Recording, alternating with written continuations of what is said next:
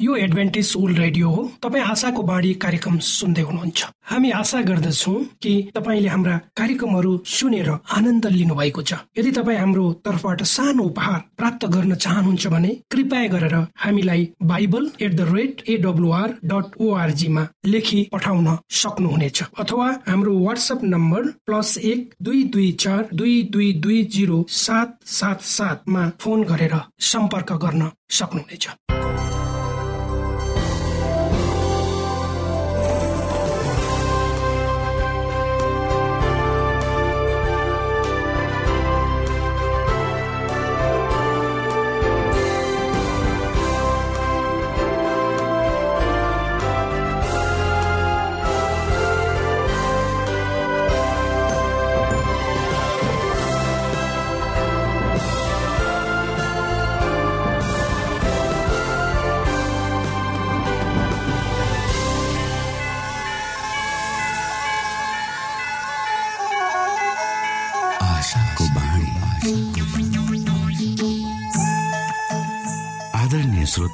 नमस्कार। यो समय तपाईँ एडभेन्टिस्ट ओल्ड रेडियोको प्रस्तुति भोइस अफ होप आशाको बाणी कार्यक्रम सुन्दै हुनुहुन्छ। कार्यक्रम प्रस्तुता म रवि यो समय तपाईँको साथमा छु। हामी यहाँलाई हाम्रो कार्यक्रममा सहभागी हुनका लागि अनुरोध गर्दछौ।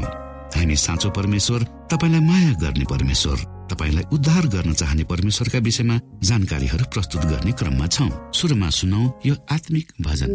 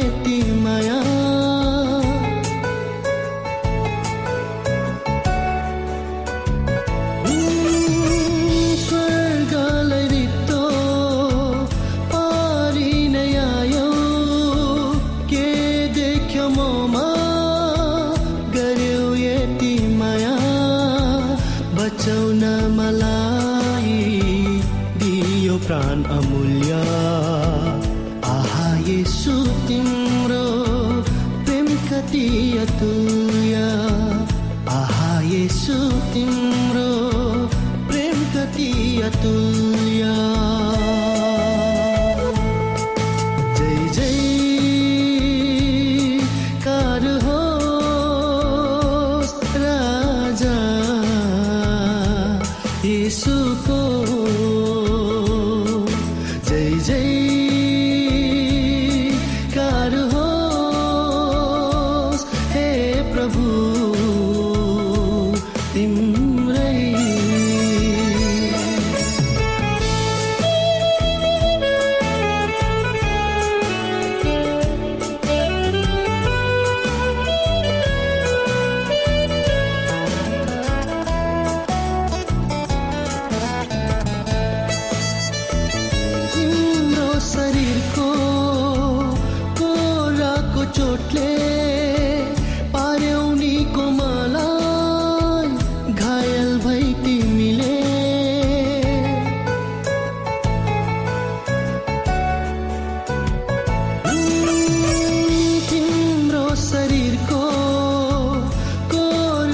चोटले पार्यौनीको मलाई घायल भई तिमीले क्रुसबाट बहेको पवित्र रगतले शुद्ध बनाई जीवन देऊ तिमीले शुद्ध बनाई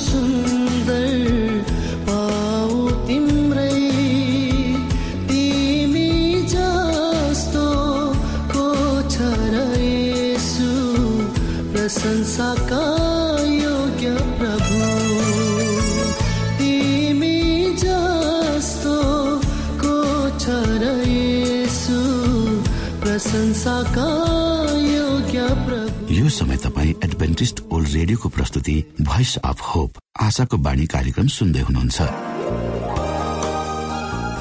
तपाईँ आशाको बाणी कार्यक्रम सुन्दै हुनुहुन्छ। हामी आशा गर्दछौँ कि तपाईँले हाम्रा कार्यक्रमहरू सुनेर आनन्द लिनुभएको छ। यदि तपाईँ हाम्रो तर्फबाट सानो उपहार प्राप्त गर्न चाहनुहुन्छ भने कृपया गरेर हामीलाई Bible at the rate AWR dot ओआरजीमा लेखी पठाउन सक्नुहुनेछ। अथवा हाम्रो वाट्सएप नम्बर प्लस एक दुई दुई चार दुई दुई दुई जिरो सात सात सातमा फोन गरेर सम्पर्क गर्न सक्नुहुनेछ। श्रोता मित्र यो समय हामी पास्टर उमेश पोखरेलबाट आजको बाइबल सन्देश सुन्नेछौ। आजको प्रस्तुतिलाई पस्कनु भन्दा पहिले आउनुहोस् म परमेश्वरमा अगुवाईको लागि बिन्ती राख्नेछु। जीवी जिउँदो महान दयाल परमेश्वर प्रभु हामी धन्यवादी छौँ यो जीवन। यो जीवनमा दिनुभएका प्रत्येक आशिषलाई। प्रभु विशेष गरेर यो रेडियो कार्यक्रमलाई म तपाईँको चरणमा राख्दछु। यसलाई तपाईँको राज्य र महिमाको प्रचारको खातिर तपाईँले प्रयोग गर्नुहोस्। ताकि धेरै मानिसहरूले तपाईँको ज्योतिलाई देख्न सकुन् र तपाईँको राज्यमा प्रवेश गर्न सकुन्। सबै बिन्ती प्रभु यीशुको नाम।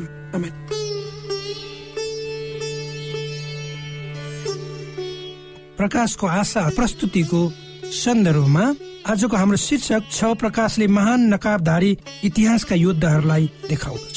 हामीले यो विचार गरेका छौँ जुन कुरा बाहिर देखिन आउँछ त्यो वास्तविक होइन धेरै वर्षदेखि यो पृथ्वी ब्रह्माण्डको एउटा मध्य केन्द्र हो भनेर विभिन्न वैज्ञानिकहरूले भन्दै आएका थिए र सूर्य तारा नक्षत्र यी सबै पृथ्वीको परिक्रमा गर्छन् भन्ने उनीहरूको सोच थियो।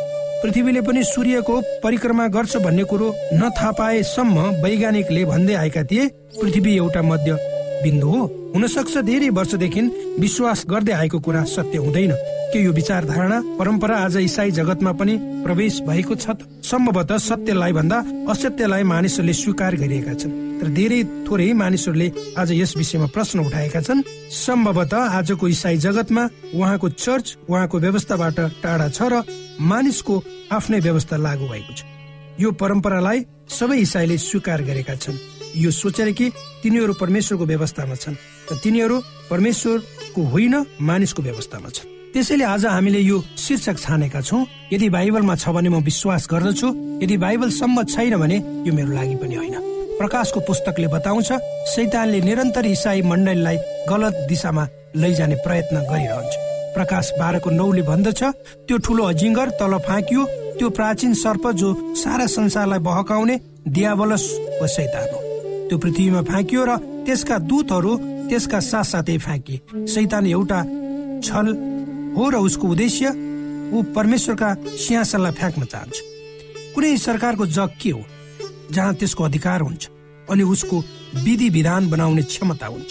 यदि कसैले उनीहरूले बनाएको नियम कानुनहरू पछ्याएनन् भने तिनीहरू त्यसको हुँदैनन्। त्यसैले शैतानले परमेश्वरको व्यवस्थालाई हमला गरेको छ।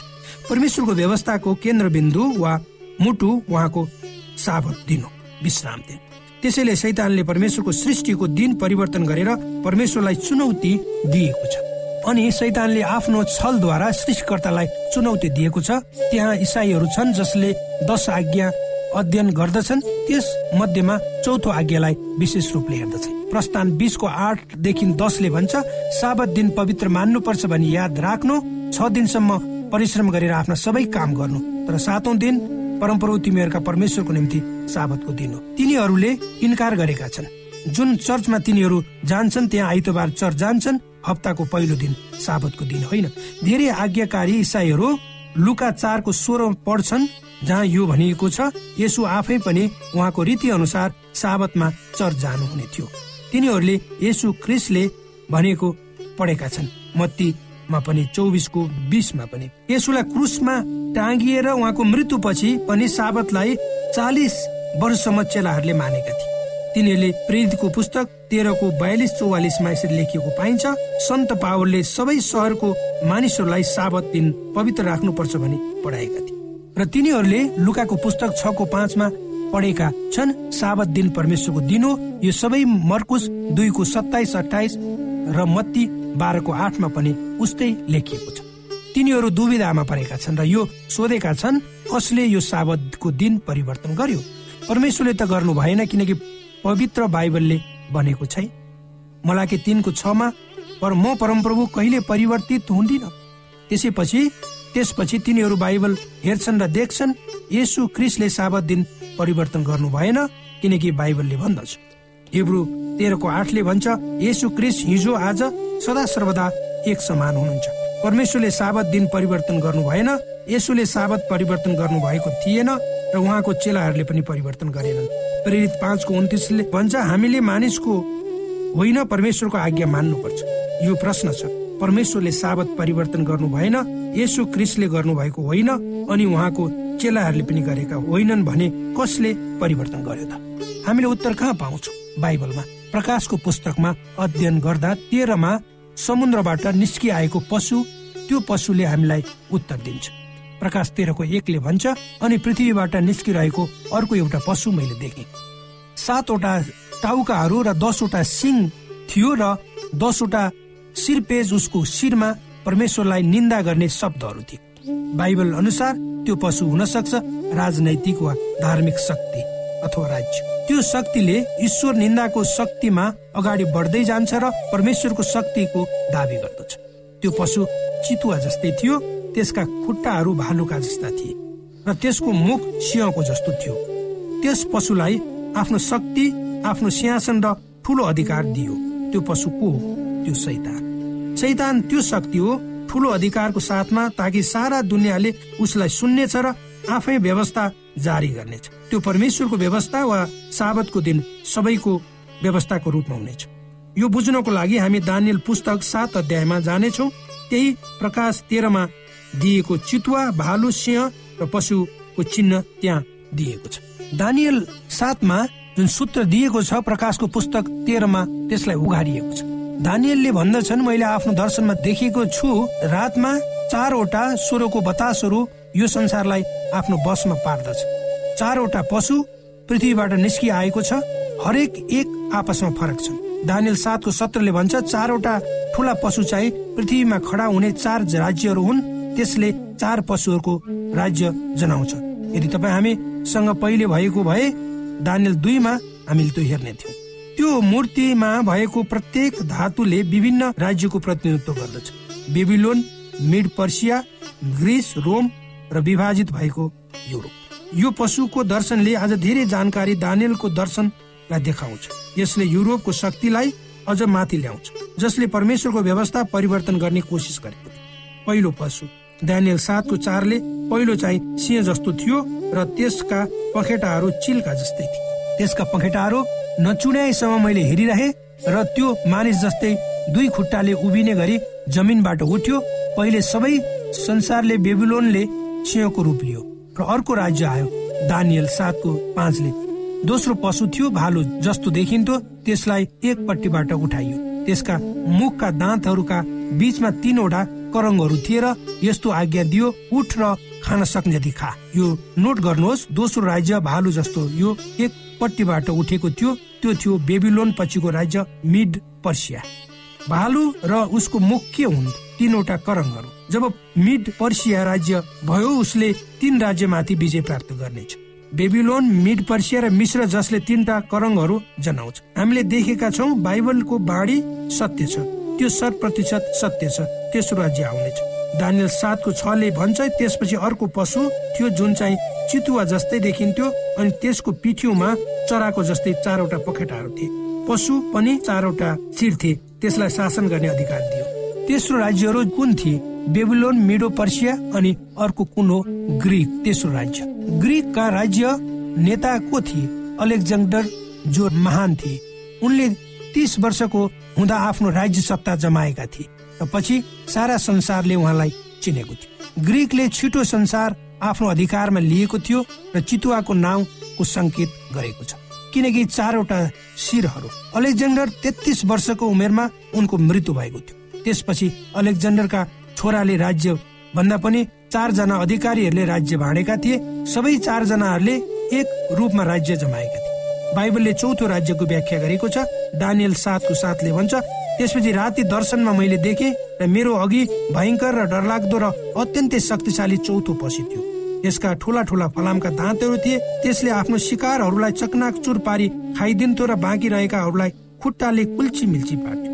त्यो पशु अघिका पशुहरू भन्दा फरक थियो र त्यसका दसवटा सिंहहरू थिए। यो सत्य हो चौथो पशु जसका फलामका दाँत थिए त्यसले रोम राज्यलाई जनाउँछ। बाइबलले व्याख्या गरेको छ रोमको राज्यको अन्त्य पछि खुट्टाको औलाहरू र त्यो मूर्तिद्वारा देखाइएको छ। चारवटा पशु सिंहहरू हुन्। दानियलको दुई अध्याय पैताला औलाहरू जो फलाम र माटोले युरोपको संकेत गर्छ।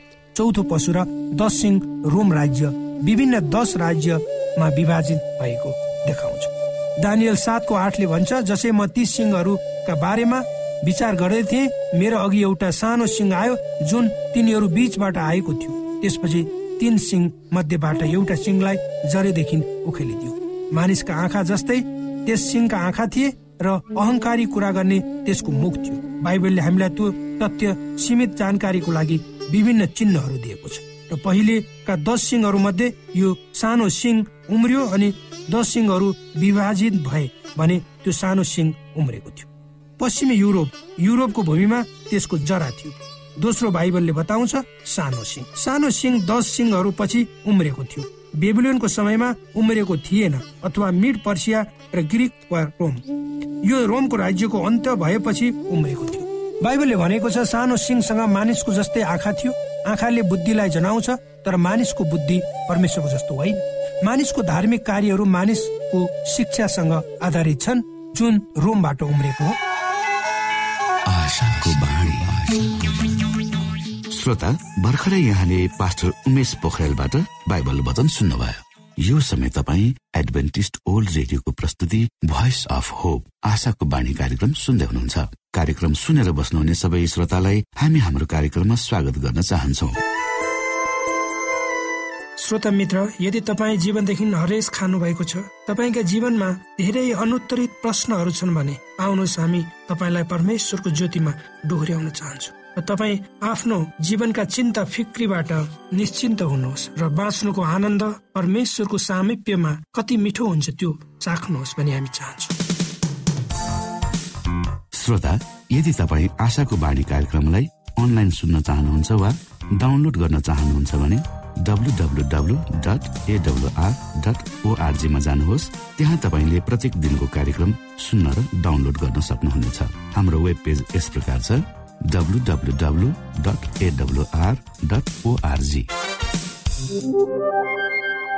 श्रोता यदि तपाईँ हामीसित सिधै फोनमा सम्पर्क गर्न चाहनुहुन्छ भने हाम्रा नम्बरहरू यस प्रकार छन्।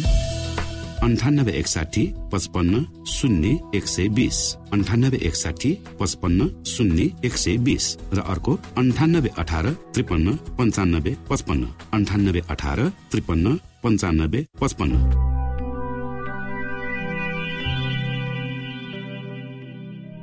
यो एडभेन्टिज ओल्ड रेडियो हो। तपाईँ आशाको बाणी कार्यक्रम सुन्दै हुनुहुन्छ। यस सम्बन्धी थप जानकारीको लागि कृपया गरेर हामीलाई सम्पर्क राख्न सक्नुहुनेछ।